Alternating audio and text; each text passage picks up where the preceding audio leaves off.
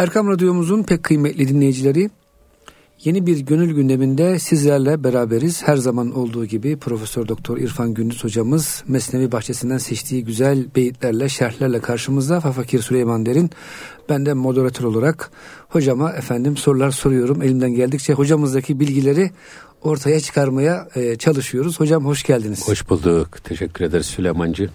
Esasında bu 523. beyitteki biz birinci mısrağı dilimizin döndüğünce açıklamaya çalıştık. Hani bu cihan senin hapishanendir. Evet hocam. Dolayısıyla esas e, can tarafına yol al, ten tarafına yol alma. Hocam şöyle bir örnek Aşağı veriyoruz. doğru inme. Hmm. Bak diyor ki toprak ve su seni aşağıya doğru çeker.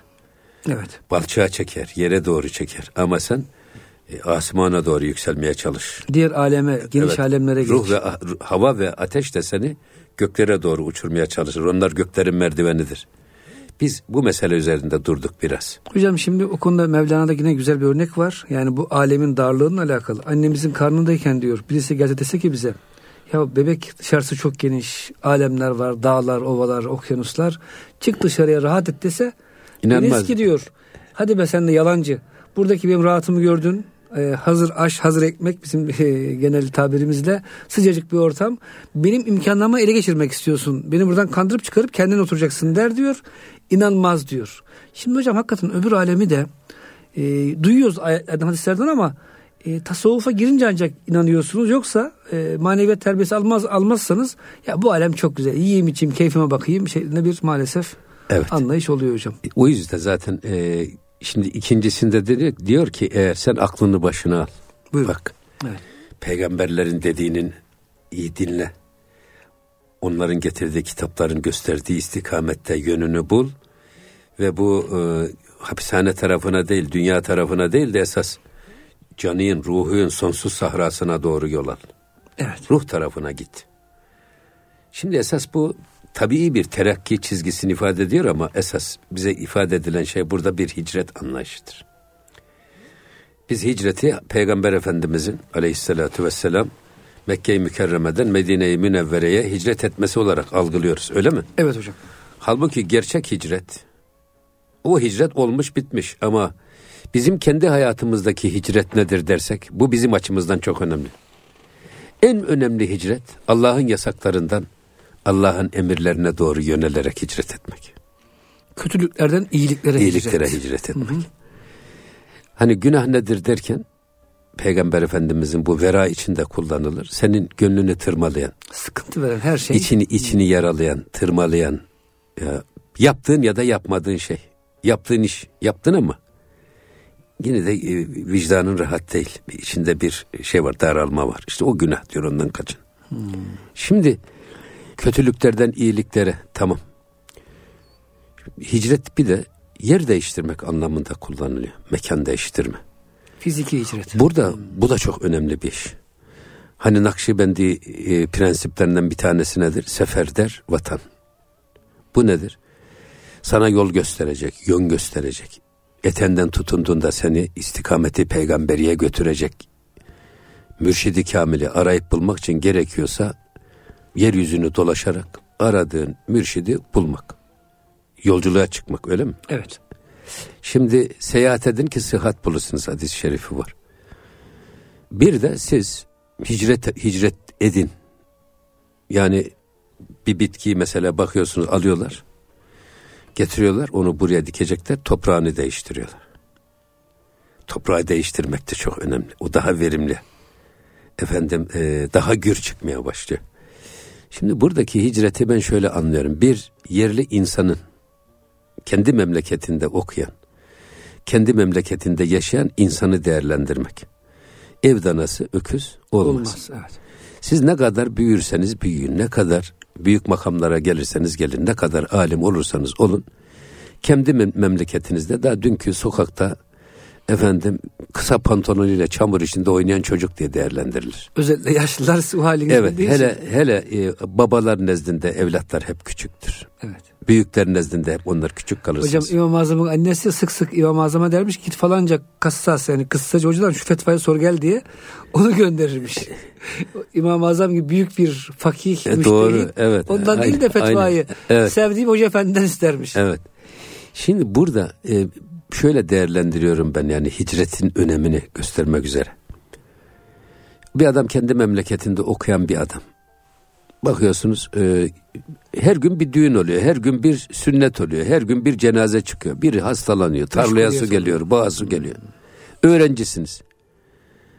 Kendinizi dersinize vereceğiniz yerde bu ilgi ve alakalar sizi dağıttığı için dikkatinizi, enerjinizi kendi memleketinizde kendinizi yetiştirme imkanı bulamıyorsunuz. O yüzden başarılı olmak istiyorsanız hicret edin. Ahmet Yesevi Hazretleri 116 halife yetiştiriyor ve bu 116 halifesine aman ha diyor gurbete gidin. Gurbete gidin. Gurbete giden insanlar hem daha zengin olur hem de daha çok Allah'a yakın olur. O zaman hocam ben de yavaştan size müsaade isteyeyim. Gerçi İstanbul güzel bir yer ama nereye gitsek acaba? Gidecek yer var ona mı? da ona da verilecek cevabımız var Süleyman'cığım. Peki, peki. Kalabalıklardan kaçmak yok. O korkaklıktır. Eyvallah. Bizim görevimiz halvetler encümen. Nakşidin diğer tabiri değil Kalabalıklar arasında Güzel. kalarak Evet. halk içinde ama hakla beraber olmak ve o kalabalığın önüne geçerek onları elimizin tuttuğu, dilimizin döndüğü kadar Eyvallah. Allah yoluna döndürmeye çalışmak. Eyvallah. Kalabalıktan kaçmaktır, o korkaklıktır. Doğru. O şeyimiz yok. Ama burada adam gurbete giderse ne olur? Gurbete gittiği zaman bir, tüm bu sünnet düğünmüş, cenazeymiş, hastalıkmış, şu bunlardan kurtulur ve adamın bir kendisi var bir de yapacağı işi var. Konsantre olma, olma imkanı Bir de kolay. Rabbi var. O üçünü Dolayısıyla bu adam ister istemez başarı getirir. İşine yoğunlaşır adam. Bir de ya gurbete gitti bir de e, bir baltaya sap olamadan döndü demesinler diye de bu da bir motive edici unsur olur. Adam başarılı olarak memleketine dönmek ister. O insan dünyevi bakımdan hem büyür hem zengin olur. Ayrıca öyle düğün, dernek, sünnet filan para harcama imkanları da azalınca bir tek kendini karnını doyuracak. Çok kazanır, az tüketir, biriktirir, zengin olur. Evet. Bu işin dünyevi yönü. Peki uhrevi yönü nedir? Hani Peygamber Efendimiz diyor ki sizden önceki peygamberlerin döneminde birisi 99 kişi öldürmüş. Tevbe kapısını arıyor. Hadis-i şerif evet. Sonra e, bir Hristiyan rahibe gidiyor. Adam diyor ki 99 kişi öldürdükten sonra daha net tevbe kapısı arıyorsun. Onu da öldürüyor. 100. Olsun yüz. Sonra tekrar dolaşıyor dolaşıyor. Hanif dinine mensup bir alime rast gelince ben 100 kişi öldürdüm. Tevbem kabul edilir mi edilmez mi? O diyor ki tevbeyi kabul edip etmemek Allah'a ait bir yetki. Biz bu konuda bir şey söyleyemeyiz. Ama bizim görevimiz tevbe etmek senden, kabul edip etmemek Cenab-ı Hak'tan. Yalnız tevbe-i nasuhun bir alameti var. Bir, bir defa hemen bu işlediğin suçtan büyük bir nedamet duyacaksın, pişman olacaksın. Evet. İki, söz vereceksin ki bir daha ben bunu asla işlemeyeceğim. Bir de diyor senin bulunduğun çevre diyor. Bak, kötü insanların bulunduğu çevredir. Sen o çevrede yaşadığın sürece seni bu kötülüğe zorlar. O yüzden bulunduğun çevreyi terk et. Filan yerde salih insanlar var. Git oraya hicret et. Adam da gidiyor. Söz veriyor Cenab-ı Hakk'a ve tasını tarağını topluyor. Sırtına alıyor. Tam yarı yolda teslimi ruh ediyor ve ölüyor. Şimdi yüz kişi öldüren adam cehenneme gitmesi lazım. Cehennem melekleri bunu cehenneme götürmeye çalışıyor. O sırada cennet melekleri de geliyor. Diyor ki ya bu adam evet yüz tane adam öldürdü ama yalnız bak bu adam müthiş bir tövbe nasuh etti. Ondan sonra gitti yurdusunu, yuvasını, hatıralarını, annesini, babasını, akrabalarını terk etti. Tam iyiler diyarına giderken de yarı yolda vefat etti. Bu adam cennete gidecek. Anlaşamıyorlar ve Cebrail'i hakem tayin ediyorlar. Cebrail aleyhisselam diyor ki ölçelim diyor. Bu adam iyiler tarafına Nereye mı yakın? yakın öldü, kötüler tarafına mı? Bir rivayette bir adım geçmiş ortadan iyiler tarafına cennete gider. Bir rivayette esasında cehenneme yakınmış ama Cenab-ı Hak onun tevbesindeki samimiyetinden dolayı e, o e, iyiliğe olan tarafı az kısalttı, öbür tarafı uzattı ve böylece adam cennete gitti. Bu çevre şartlarının getirdiği psikolojiden de kurtulur insan. Kötü arkadaş, kötü dost, kötü çevre insanı kötülüğe iter. Orayı da terk etmek. Terk ettiniz gittiniz yepyeni bir diyarda. Bu tabi mesela bu seferder vatan telkin edilirken mürşitlerin bir sorumluluğu var. Müridine göre bunu telkin ederler. Bazı insanlar, bazı müritler tanındığı çevrede çevre baskısından dolayı kötülük yapmaya imkan bulamaz. Ama bunları siz seferder vatan diye gurbete gönderdiğiniz zaman kabak çiçeği gibi açılır. Orada kötülük Nasıl yapar. olsa beni kimse tanımıyor diyerek pek çok kötülüğü işleme gücü kazanabilir. Bu tip insanlara seferder vatan verilmez.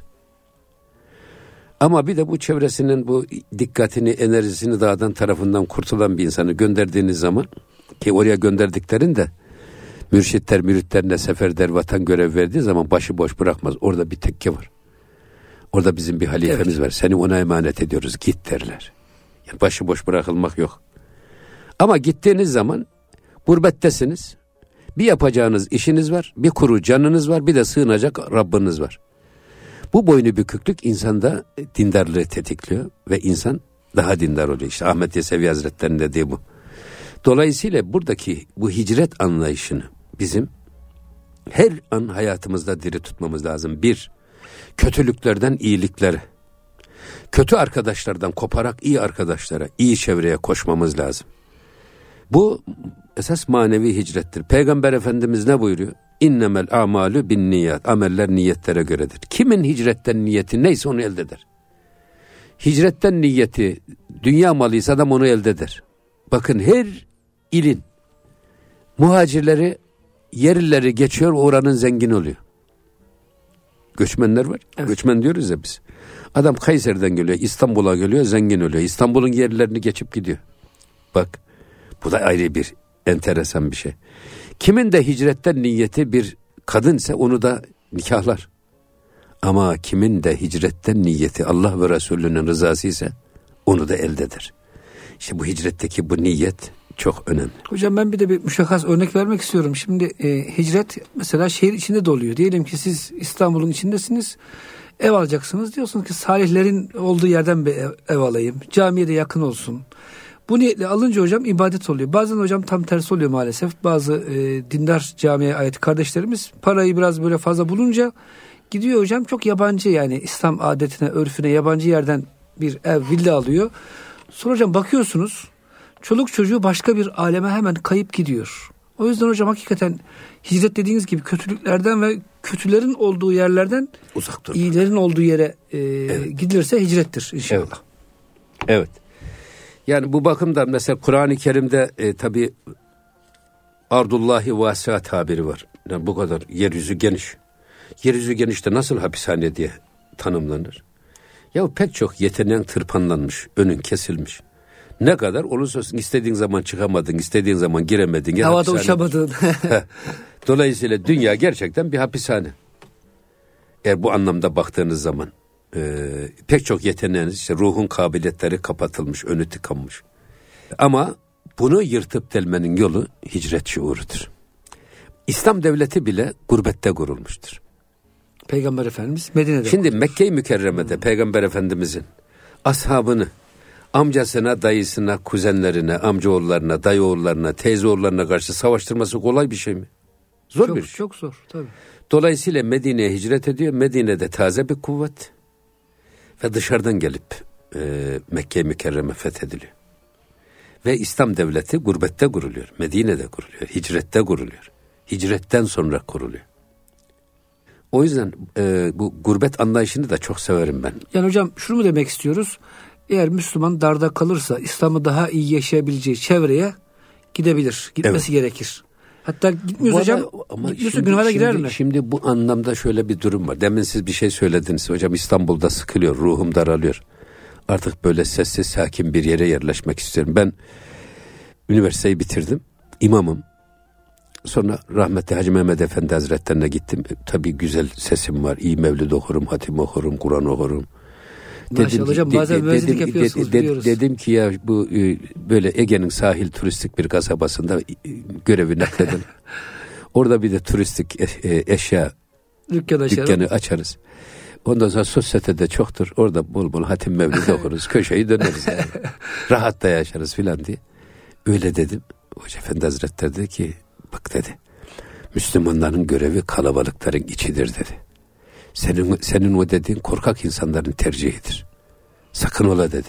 İstanbul'dan dışarıya çıkmak yok dedi. Bizim görevimiz kalabalıkların arasına karışıp ama çay şekeri gibi erimek değil. O kalabalığın önüne geçip durun kalabalıklar. Bu cadde çıkmaz sokak.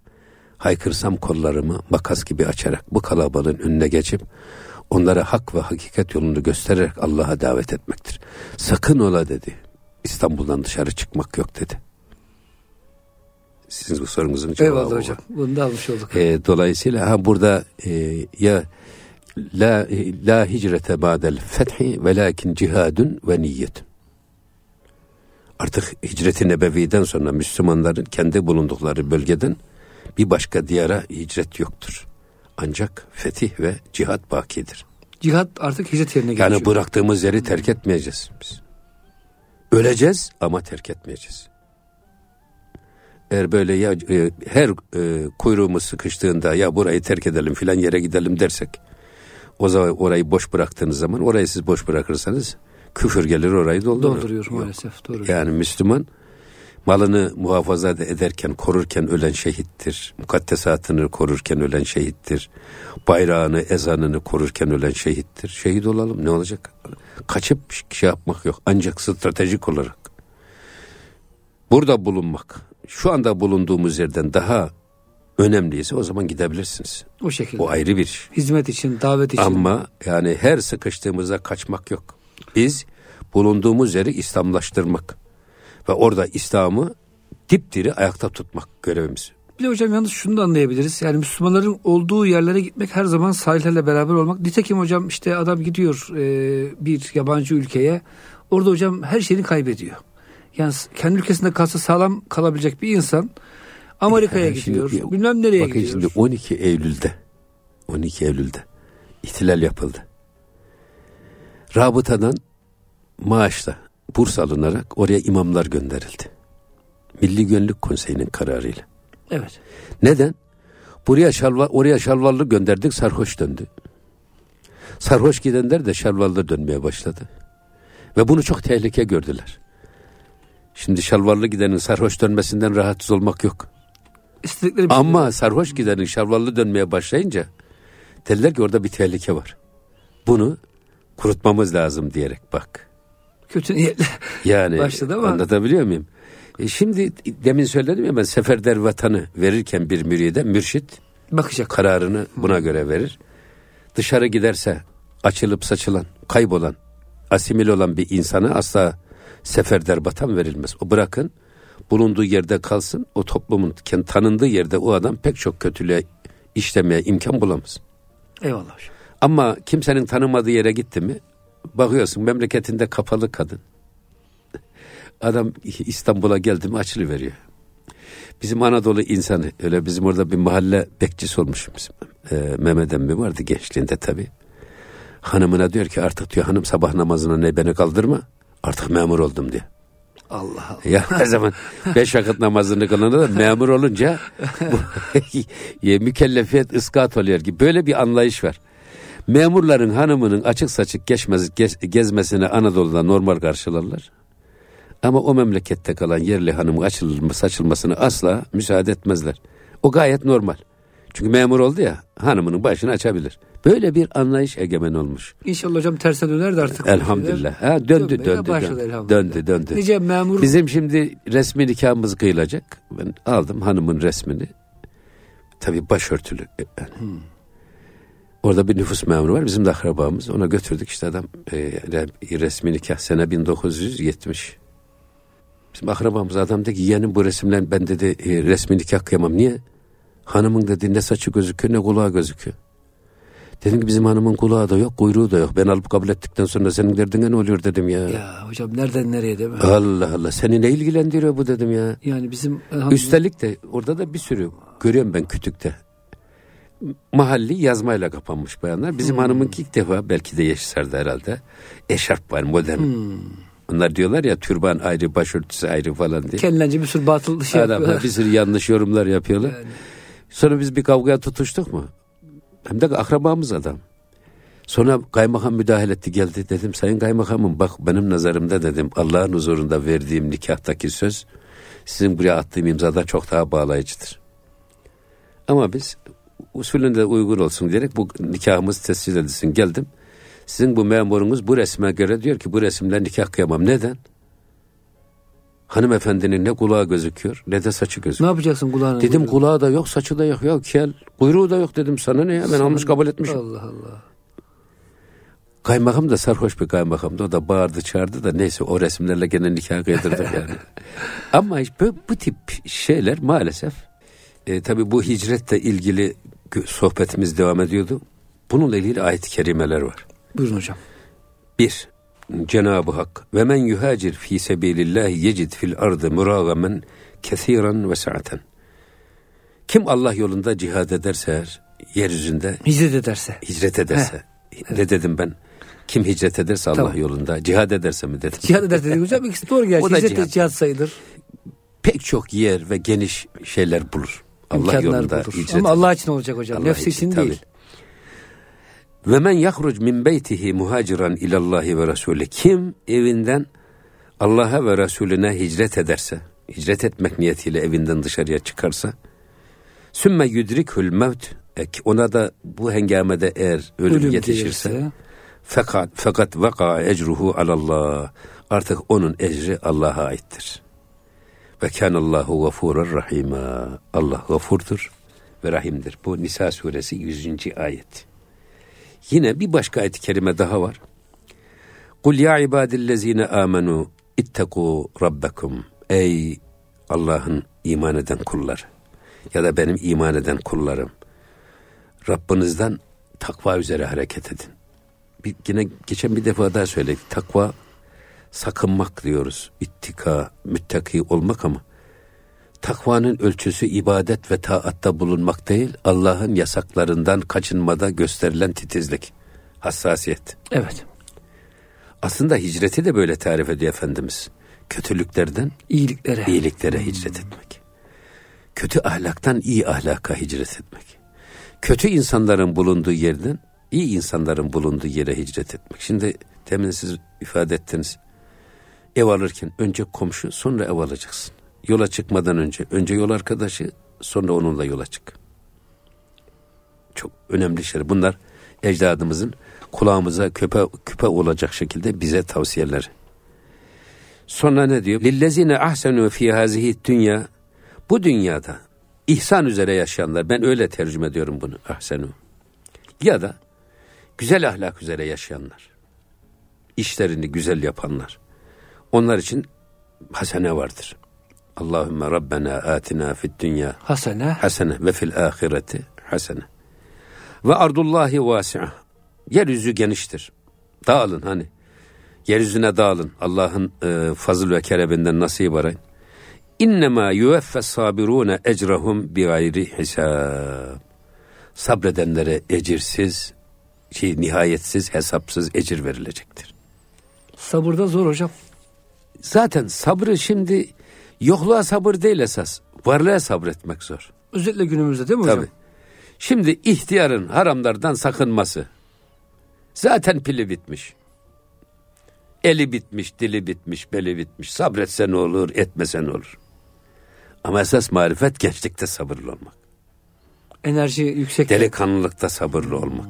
Fakir sabretse ne olur, etmese ne olur. Yapacak, istese de parası yok yapamaz. Ama esas zenginken sabırlı olmak. Zenginlikte sabır. Dolayısıyla burada e, gerçekten esas e, sabır hani direnmek, tamam dayanmak. Ama esas varlığa sabretmek. Zor bir iş. Mesela vel kazımînel gayza insanın kinini tutması.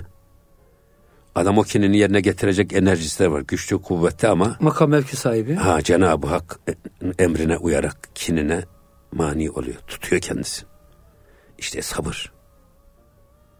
Burada da insanların zaaflarına karşı sabrı var. Bak biz hicret ediyoruz. Nereden hicret ettik biz? Annemizi babamızı bıraktık, çoluğu çocuğu bıraktık, vatanımızı bıraktık, mahallemizi bıraktık, tapularımızı bıraktık. Ben bunu ne zaman anladım? Şeyde anladım.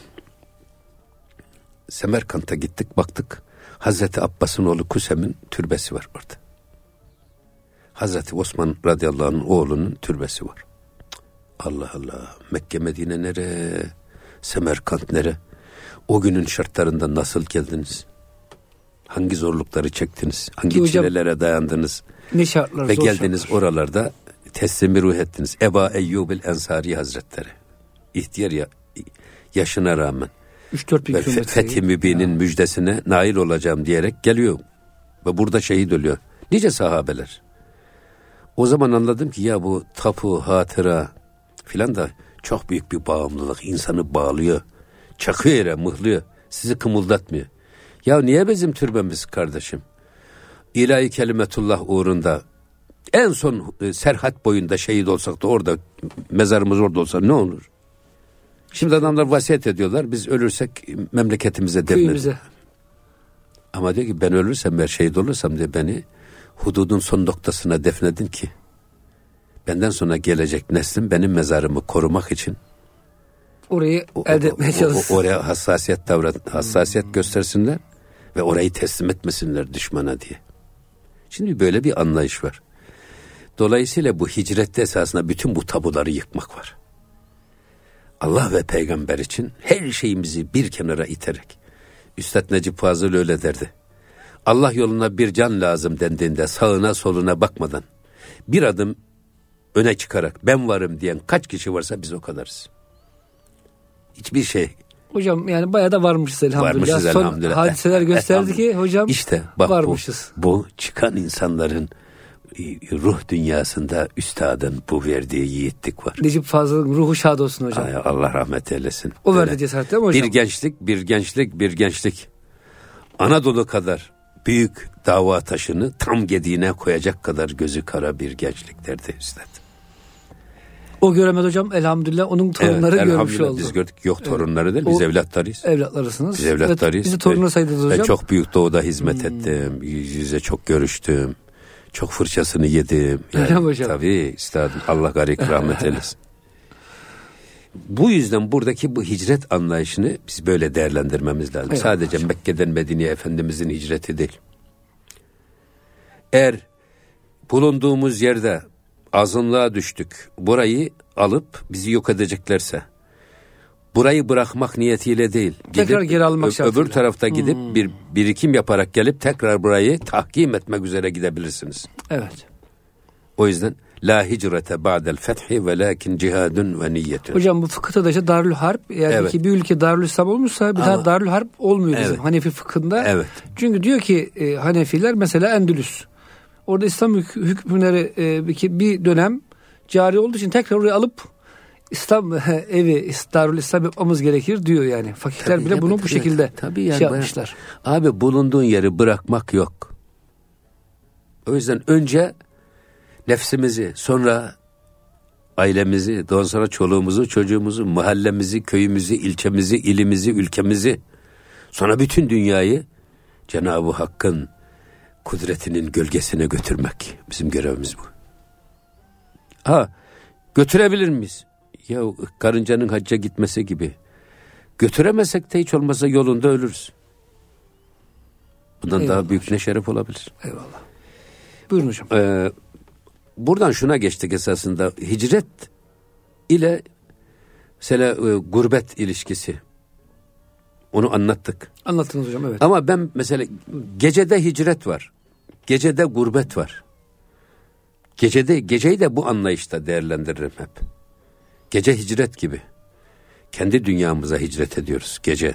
İşimizden, gücümüzden, alakalarımızdan kopup kendimizle baş başa kalıyoruz. O yüzden geceyi iyi değerlendirmek lazım.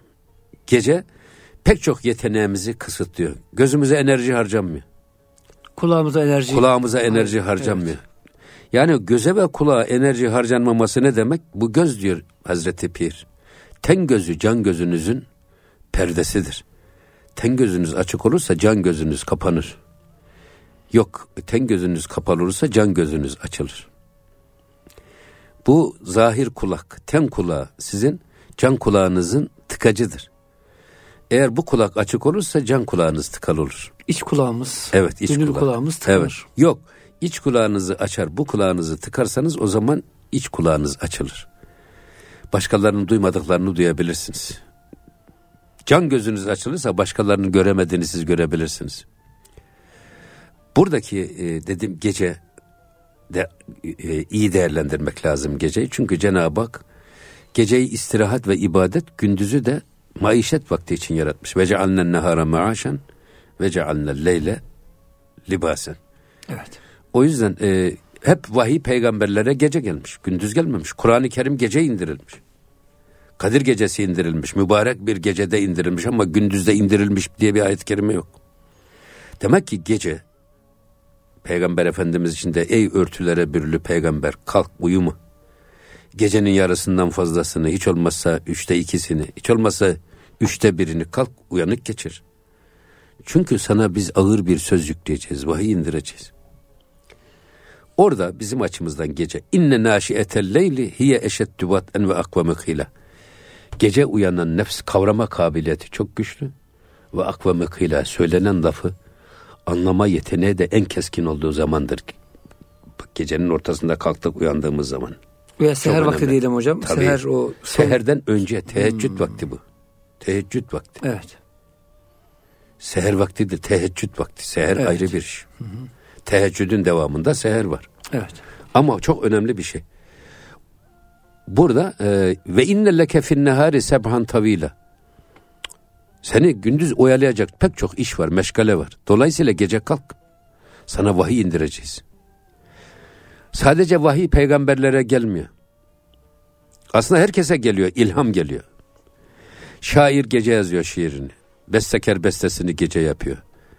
Efendim e, yazar makalesini gece yazıyor. Çünkü gece gözümüzü görmediği için her taraf ya da gözümüzün ilgisini çekecek bir şey olmadığı için gözümüze enerji har- harcanmıyor. Gözün enerjisi kalbe gidiyor.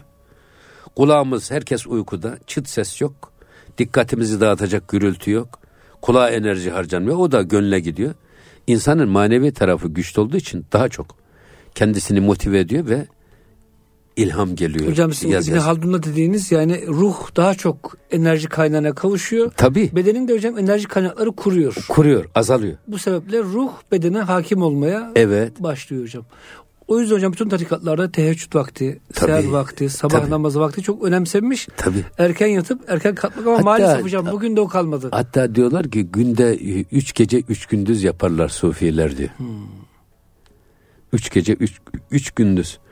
Şimdi yatsı namazından sonra yattık, günün yorgunluğunu attık, teheccüd için kalktık. Evet. Ondan sonra e, teheccüd namazını kıldık, evradımızı, eskarımızı yaptık, yattık, sabah namazı için kalktık.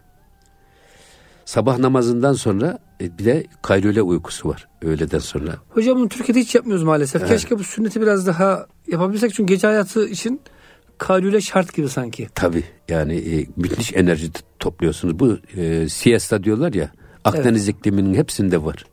Ama bizde de Peygamber Efendimizin sünneti.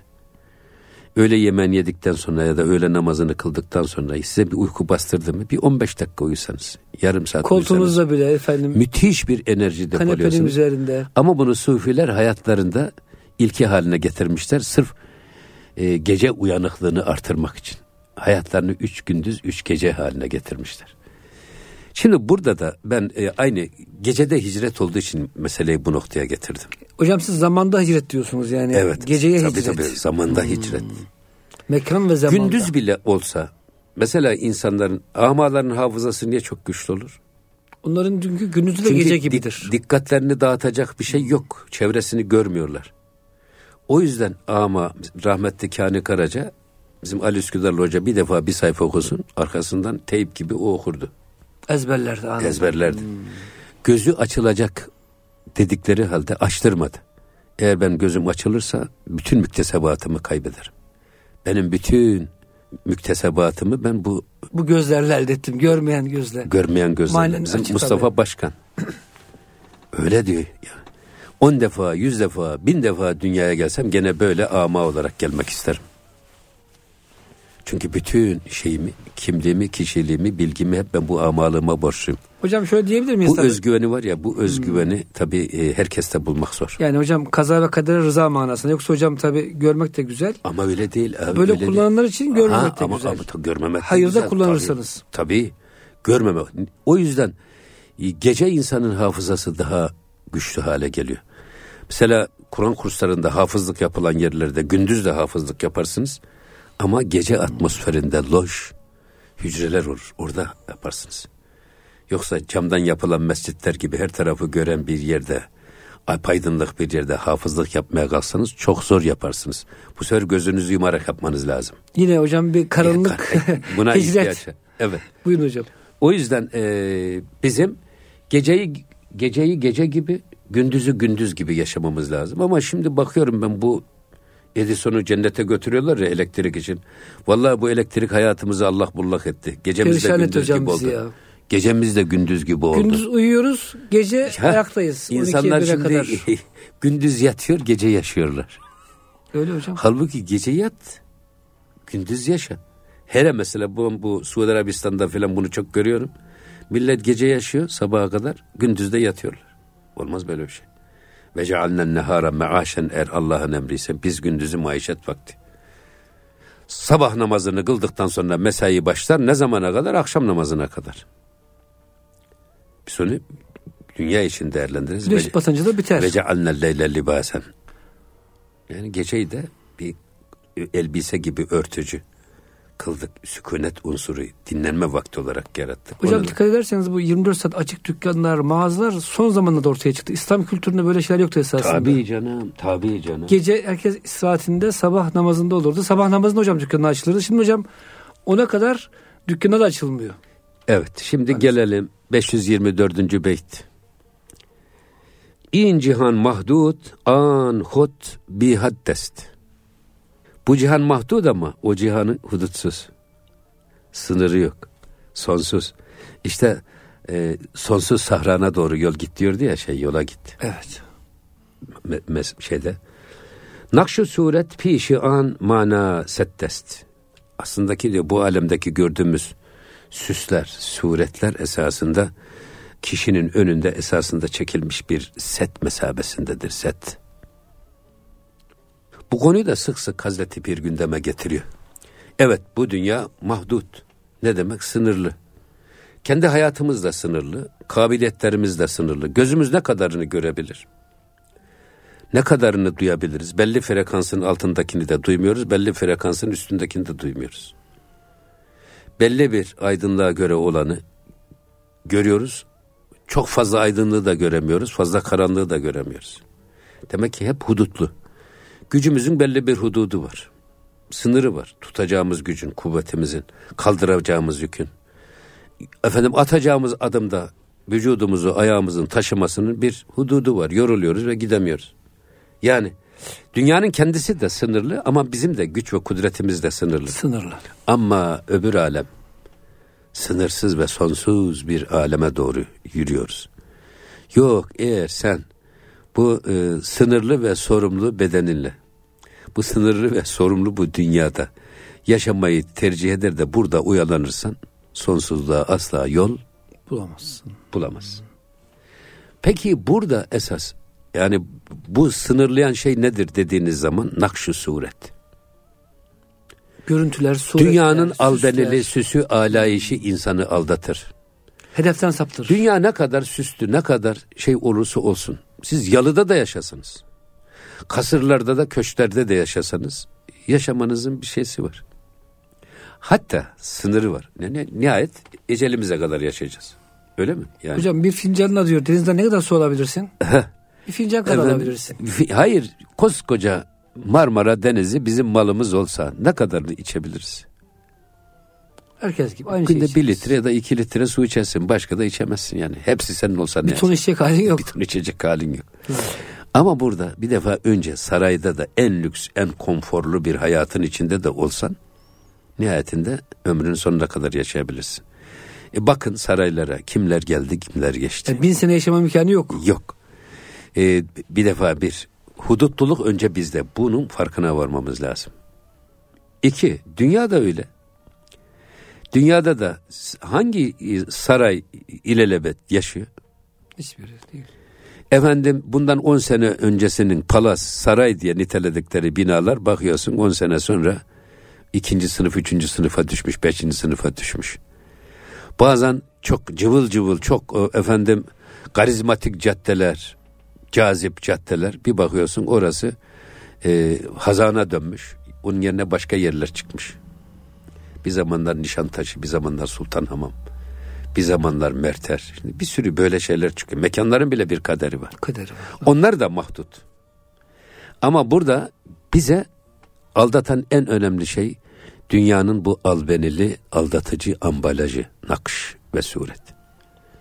Şimdi Mevlana diyor ki bak bir insan bir işin önüne bakarak, akıllı insan sonuna bakarak karar verir. Akılsız önüne bakar diyor. Cahil de önüne bakarak hmm. karar verir. İşte bu aldatıcı, yaldızlı. Şimdi her şey süslü püslü ambalajlar içinde bize sunuluyor. Ama sonu gösterilmiyor bize, değil mi hocam? Bize pazarlanmaya çalışılıyor ve biz hiç bakmadan sadece o nakış ve suret aldatıcı reklamlar, albanı, albenili takdimler filan öyle bizim dikkatimizi çekiyor ki biz onlarla uğraşmaktan esas ne işin sonuna bakabiliyoruz ne de kendimize bakabiliyoruz. Hani bir adam e, Kızılderiliyle yola giderken Kızılderili ona kılavuzluk yapıyormuş.